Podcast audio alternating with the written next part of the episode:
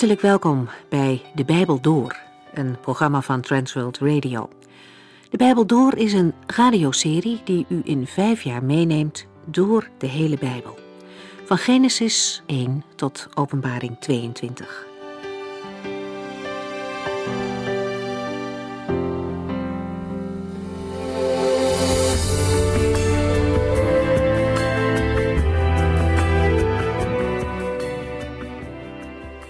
Welkom, lieve mensen. In het slot van Filippenzen 3 lazen we de vorige keer mooie dingen. Weet u het nog? Allereerst schrijft Paulus in vers 20 dat christenen eigenlijk niet op deze aarde thuis horen. Hun burgerschap is in de hemel. Christenen zijn hemelburgers die tijdelijk op aarde leven. Dat betekent dat we dus ook niet echt thuis horen in deze wereld. We zijn in sommige opzichten anders. In ons doen en laten mogen we laten zien dat we bij de hemel horen. We zijn als het ware een soort vertegenwoordigers van Christus op aarde. Hier mogen we iets van Zijn heerlijkheid weerspiegelen. Burgerschap brengt rechten en plichten met zich mee. Het zegt wie we eigenlijk zijn. Een Nederlander is geen Afrikaan. Hij kan Afrikaans eten, zich aanpassen, maar ten diepste blijft hij Hollander. Een van zijn voorrechten is dat hij een beroep kan doen op de Nederlandse ambassade als er problemen zijn. En zo staan christenen er ook nooit alleen voor. Ze mogen altijd op de hulp van de Heilige Geest rekenen. Burgers van de hemel zijn bekend bij God. We horen bij Hem. Het is ook niet vreemd om een beetje heimwee te hebben naar ons echte thuis bij de Heere. We verwachten Hem immers uit de hemel en we vertrouwen dat Hij dan ons sterfelijk lichaam zal veranderen in een hemels lichaam. En met dat vooruitzicht mogen we op aarde standvastig in ons geloof verder gaan. Paulus noemt dat in het eerste vers van hoofdstuk 4. Hij gaat hier over op een ander onderwerp, het samen optrekken. Meningsverschillen komen net zo goed voor onder christenen als onder andere mensen. Het is nodig om die op te lossen en eensgezind verder te werken. Paulus noemt in deze brief twee vrouwen die met elkaar botsten en hij vraagt ze dringend om hun conflict bij te leggen. En zijn metgezel krijgt de opdracht de vrouwen daarbij te helpen. We lezen verder in Filippenzen 4 vanaf vers 4.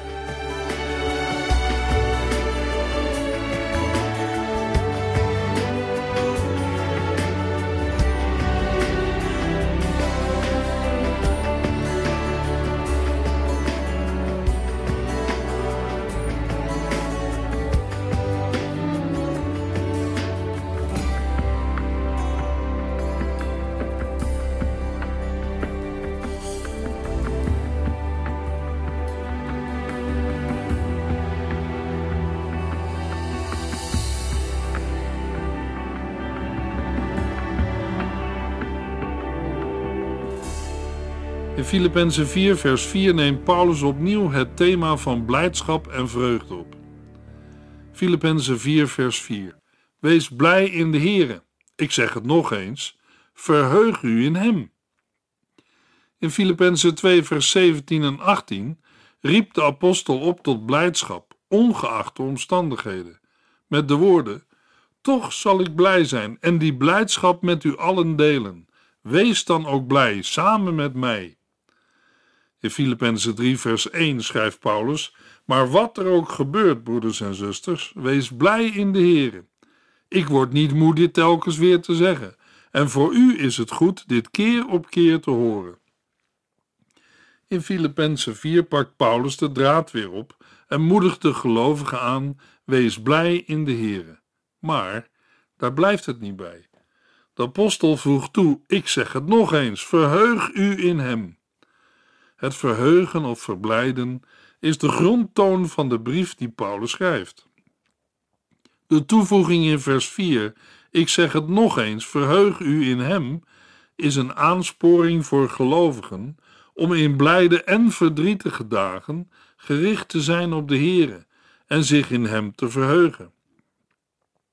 In Johannes 15, vers 11 zei de Heer Jezus tegen zijn volgelingen: Ik heb dit gezegd met de bedoeling dat mijn blijdschap in jullie zal zijn. Jullie zullen grote blijdschap ervaren. De aansporing van Paulus kan voor sommige mensen vreemd en moeilijk overkomen. Hoe kan een mens nu altijd blij zijn? In de Griekse tekst staat er nog bij: wees blij in de Here altijd.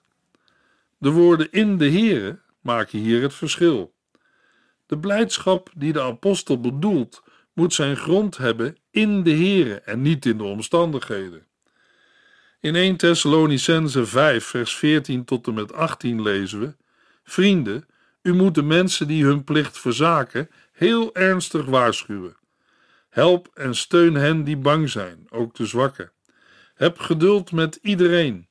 Let erop dat niemand kwaad met kwaad vergeldt, maar wees altijd goed voor elkaar en voor anderen. Wees ook altijd blij. Bid onophoudelijk. Wat er ook gebeurt, dank altijd God, want Hij wil dat u als christenen zo leeft. Blijdschap in het geloof in Jezus Christus is altijd mogelijk, omdat zo'n blijdschap niet afhankelijk is van de omstandigheden. Als twee mensen van elkaar houden, is de wederzijdse liefde ook niet afhankelijk van hun omstandigheden. Hun wederzijdse liefde helpt elkaar juist door moeilijke omstandigheden heen. Zeker, het is mogelijk dat wij onze liefde en blijdschap wel laten beïnvloeden door de omstandigheden. Maar als onze blijdschap zijn grond heeft in de Here, dan hoeft dat niet. Een aanleiding voor Paulus om de blijdschap opnieuw aan de orde te stellen, vinden we in de vermelding van het boek van het leven. Het is juist de gedachte aan het toekomstige leven in heerlijkheid, wat de vreugde oproept, ongeacht de omstandigheden. In Lucas 10, vers 20 zegt Jezus tegen zijn leerlingen, als ze opgetogen terugkomen van een zendingstocht: Jullie moeten niet zozeer blij zijn dat de boze geesten doen wat jullie zeggen. Waar jullie vooral blij om moeten zijn, is dat jullie namen in de hemel geregistreerd staan. Daarna lezen we in Lucas 10, vers 21. Op dat moment bracht de Heilige Geest in Jezus een geweldige blijdschap teweeg. Hij sprak: Vader, Heer van hemel en aarde, dank u wel dat u de waarheid hebt verborgen voor wijzen en geleerden, maar aan kleine kinderen hebt bekendgemaakt. Dank u, Vader, zo hebt u het gewild. De blijdschap in de Heere is ook verbonden met de Heilige Geest. Vanuit onszelf zullen wij deze blijdschap vaak niet kunnen opbrengen, maar de Heilige Geest brengt in een gelovige deze blijdschap teweeg. De Heilige Geest leert ons ook van kleine en grote dingen te genieten en de Heere voor zijn onuitputtelijke zegeningen te danken. Deze blijdschap en vreugde kunnen we in praktijk brengen. Een voorbeeld uit het Oude Testament. Nadat Nehemia de bouw van de muur van Jeruzalem had voltooid, werd er een houten verhoging gemaakt bij de waterpoort. Denk aan een bima of preekstoel. De priester Ezra werd gevraagd om voor te lezen uit de wet die de Heere door Mozes aan Israël had gegeven. Ezra las uit de boekrol van de wet, van zonsopgang tot in de namiddag. Ezra las voor aan mensen die uit de ballingschap in Babel waren teruggekomen. De meeste van hen hadden nooit in hun leven Gods woord gehoord. Het overweldigde hen zo dat we lezen in Nehemia 8, vers 9. Alle aanwezigen barsten in tranen uit bij het horen van de geboden uit de wet.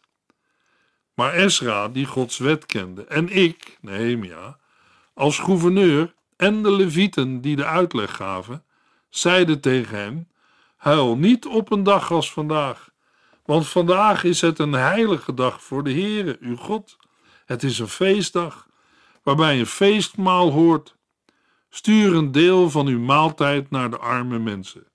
Wees niet verdrietig, maar put kracht uit de vreugde die de Heer u geeft. Ook de levieten kalmeerden het volk door te zeggen: Wees stil en treur niet langer, want dit is een heilige dag. Toen gingen de mensen weg om een feestmaal klaar te maken, en een deel ervan gaven zij weg aan anderen. Overal heerste grote vreugde, want de mensen hadden Gods woorden gehoord en begrepen. Luisteraar, hoort u bij de mensen die het woord van de Heere hebben gehoord en begrepen? De vreugde van de Heer is een bron van kracht. Filippenzen 4 vers 5 Laat uw vriendelijkheid bij iedereen bekend zijn. De Heer is dicht bij u. De vriendelijkheid waartoe de apostel oproept, is net als de blijdschap, een gevolg van de gerichtheid op de Heer. Vriendelijkheid houdt in dat de gelovige niet op zijn eigen recht gaat staan. De betekenis ligt dan ook dicht bij geduld en verdraagzaamheid. In Titus 3, vers 2 zegt Paulus tegen Titus: Herinner de gelovigen eraan dat zij de overheid en het gezag moeten gehoorzamen.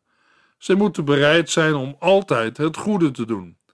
Zij mogen van niemand kwaad spreken en geen ruzie zoeken, maar moeten voor iedereen vriendelijk en zachtmoedig zijn.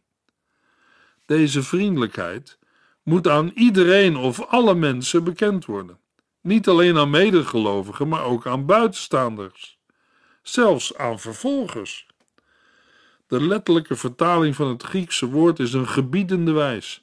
De vriendelijkheid moet bekend worden. Paulus geeft als reden voor dit gebod: De Heer is dicht bij u. In Psalm 145, vers 18 schrijft David: De Heer is dicht bij ieder die hem aanroept met een zuiver hart. Dat de Heer dichtbij is, heeft zowel betrekking op tijd als afstand. Een eerste stimulans om vriendelijk, verdraagzaam en geduldig te zijn, is gelegen in het feit dat de komst van de Heere dichtbij is en hij zal een ieder belonen of vergelden. De schrijver van het Bijbelboek Hebreeën zegt dan in Hebreeën 10 vers 25 Wij moeten elkaar bemoedigen en waarschuwen, vooral nu wij zien dat het niet lang meer zal duren voor de Heer Jezus terugkomt. In Hebreeën 10 vers 36 tot en met 39 lezen we Laat de moed niet zakken. Want als u de Heere trouw blijft, krijgt u een grote beloning. U moet volhouden om de wil van God te doen. Als u dat doet, krijgt u wat Hij heeft beloofd. In de boeken staat immers: het zal niet lang meer duren voordat Hij die komen zal terugkomt. Hij kan elk ogenblik komen. De mensen die rechtvaardig zijn, zullen door hun geloof echt leven. Maar als iemand God de rug toekeert, heeft God geen vreugde meer in hem. Wij horen niet bij de mensen die God de rug hebben toegekeerd en de ondergang tegemoet gaan. Nee, wij horen bij de mensen die op God vertrouwen en gered worden. Ook in Openbaring 3, vers 11 lezen we dat Jezus zegt: Ik kom spoedig. Houd vast wat u hebt. Laat u de erekroon door niemand afnemen. De komst van de Heer Jezus is dichtbij. Wij weten de dag, het uur en het jaar niet, maar zien uit naar zijn komst. Aan de andere kant weet een gelovige ook dat de Heer nu ook al dichtbij is door zijn Heilige Geest. Hij woont zelfs door zijn geest in de gelovigen om hen te leiden. In Romeinen 8, vers 9 tot en met 11 schrijft Paulus: Met u is het anders. U doet niet meer uw eigen zin, maar laat u leiden door de geest, tenminste als de geest van God in u woont. Als u de geest van Christus niet hebt, hoort u niet bij hem. Als Christus in u woont, is uw lichaam weliswaar dood door de zonde, maar de geest is uw leven, omdat God u als rechtvaardig beschouwt. Als de geest van God in u woont, heeft dat ook gevolgen voor uw lichaam. God heeft Jezus uit de dood opgewekt. Wel, doordat Zijn geest in u woont, zal Hij ook uw sterfelijke lichaam levend maken. Dat vriendelijkheid zo verbonden is met de Heilige Geest, hoeft ons niet te verwonderen. In Galaten 5, vers 22 lezen we: Maar de Heilige Geest brengt ons tot betere dingen: liefde, blijdschap, vrede, geduld vriendelijkheid, mildheid, trouw, tederheid en zelfbeheersing. Ook vriendelijkheid is een vrucht van de Heilige Geest. Filippenzen 4, vers 6. Maak u nergens zorgen over, maar bid voor alles en vraag God wat u nodig hebt. Dankbaar voor alles wat Hij doet. Bezorgd zijn om of over wordt in het Nieuwe Testament voornamelijk in negatieve zin gebruikt. Jezus zegt in Matthäus 6, vers 25 tot en met 32: Ik geef u deze raad. Maak u geen zorgen over eten, drinken en kleren. Uw leven is belangrijker dan het voedsel. En uw lichaam is belangrijker dan kleding. Let eens op de vogels. Die maken zich geen zorgen over wat zij moeten eten. Ze hoeven niet te zaaien of te oogsten of te bewaren, want God geeft hun wat zij nodig hebben. U bent voor hem toch meer waard dan de vogels. Al die zorgen maken uw leven geen dag langer. Waarom zou u zich zorgen maken over kleding? Kijk eens naar de bloemen in het veld. Die staan daar te bloeien zonder zich druk te maken. En toch zag koning Salomo met al zijn pracht en praal er niet zo mooi uit als zij. Als God zo goed zorgt voor de bloemen, die vandaag in het veld staan en morgen weg zijn, zal Hij dan niet nog veel beter voor u zorgen? Wat heb u toch weinig vertrouwen in Hem? Maak u dus geen zorgen over wat u zult eten of aantrekken. Met dat soort dingen vullen de ongelovigen hun leven. Uw hemelse Vader weet heel goed wat u allemaal nodig hebt. Bezorgdheid is dikwijls een teken van ongeloof in de zorg van God. Paulus geeft in Filippenzen 4 direct een oplossing voor bezorgdheid, namelijk gebed en dankzegging. Dankbaar voor alles wil zeggen dat de gelovige zich tijdens het gebed realiseert hoe de Heer in het verleden voor hem heeft gezorgd. Daarbij zal het geloof en vertrouwen dat de Heer ook nu zal voorzien groeien. Overigens hebben de gelovigen de belofte van de Heer Jezus dat God in al hun noden zal voorzien. In Matthäus 6, vers 33 en 34 geeft de heiland de belofte: geef het koninkrijk van God en het doen van Zijn wil de hoogste plaats in uw leven. Al het andere zal u dan geschonken worden. Maak u geen zorgen voor de dag van morgen. Ook morgen zal God u weer geven wat u nodig hebt. Elke dag heeft al genoeg aan zijn eigen problemen. Buiten het feit dat een mens bezorgd kan zijn over het levensonderhoud, kan dat ook over datgene wat een mens ter verdediging moet zeggen. In Lucas 12, vers 11 en 12 zegt Jezus tegen zijn leerlingen: Als jullie moeten terechtstaan in de synagoge en voor de autoriteiten, maak je dan niet ongerust over wat je moet zeggen om je te verdedigen. De Heilige Geest zal je op dat moment de juiste woorden ingeven. Maar bid voor alles betekent in elke situatie. In 1 Thessalonicense 5 vers 17 en 18 lazen we: Bid onophoudelijk, wat er ook gebeurt, dank altijd God, want Hij wil dat u als christenen zo leeft. In elke situatie bidden betekent concreet in elke situatie waarin een mens zich bezorgd zou kunnen maken. Filippenzen 4 vers 6 luidt in de Griekse grondtekst: Wees in niets bezorgd, maar laat in alles uw wensen door gebed en smeking met dankzegging bekend worden bij God. Ook hier staan de werkwoorden in een gebiedende wijs. Alle wensen van een gelovige moeten bij de Here bekend worden gemaakt. Paulus zegt dat we ons nergens zorgen over hoeven te maken, omdat we overal voor moeten bidden. Het betekent dat we de Heer moeten vragen of Hij ons wil helpen bij alle moeilijkheden die we in het leven meemaken of tegenkomen. Daarbij kan iemand vragen: Moeten we dan ook bidden voor al de kleine dingetjes in ons leven? Misschien moeten we eerst vragen of nadenken over de vraag: wat zijn kleine dingetjes? Een vader wil graag alles weten van zijn kinderen. Voor een vader zijn er geen dingetjes te klein om te vertellen of te vragen. Dat is dan zeker het geval voor de Heere. Kunt u iets noemen wat voor de Heere te klein is om er zich mee bezig te houden? En aan de andere kant, kunt u iets noemen wat voor de Heere te groot is, te wonderlijk of onmogelijk? In de geschiedenis van Abraham en Sarah komt die vraag naar voren. In Genesis 18 zegt de Heere tegen Abraham: Over een jaar zal ik u weer bezoeken en dan zal Sarah een zoon hebben. Menselijk gesproken waren Abraham en Sarah te oud om nog kinderen te kunnen krijgen. Daarom lachte Sarah in zichzelf om de woorden die ze had gehoord. Maar de Heere vraagt aan Abraham: Waarom lacht Sarah? En gelooft zij niet dat een vrouw van haar leeftijd nog een kind kan krijgen? Voor mij is niets onmogelijk. Ook bij de profeet Jeremia vinden we dezelfde woorden.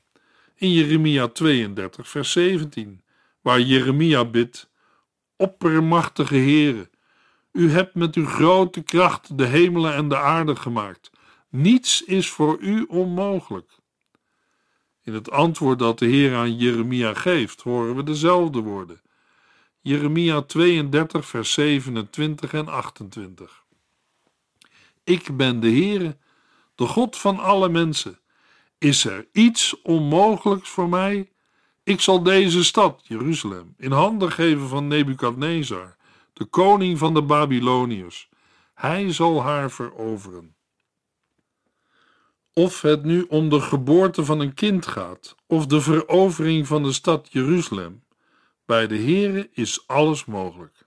Maar dat wil nog niet zeggen dat alles wat wij de Heere vragen ook daadwerkelijk gebeurt. In het gebed dat de Heer Jezus zijn volgelingen heeft geleerd, wordt ook gebeden: U wil geschieden. Een Franse theoloog uit de middeleeuwen schreef over de woorden bid voor alles het volgende. Bid voor alles betekent vertel de Heere wat u op uw hart hebt. Zoals iemand zijn hart opent voor een goede vriend. Met de blijde dingen en de dingen die pijn doen. Vertel de Heer uw problemen, opdat hij u kan troosten. Vertel hem uw blijde dingen, opdat hij ze zal temperen. Vertel de Heer uw verlangens, opdat hij ze zal zuiveren.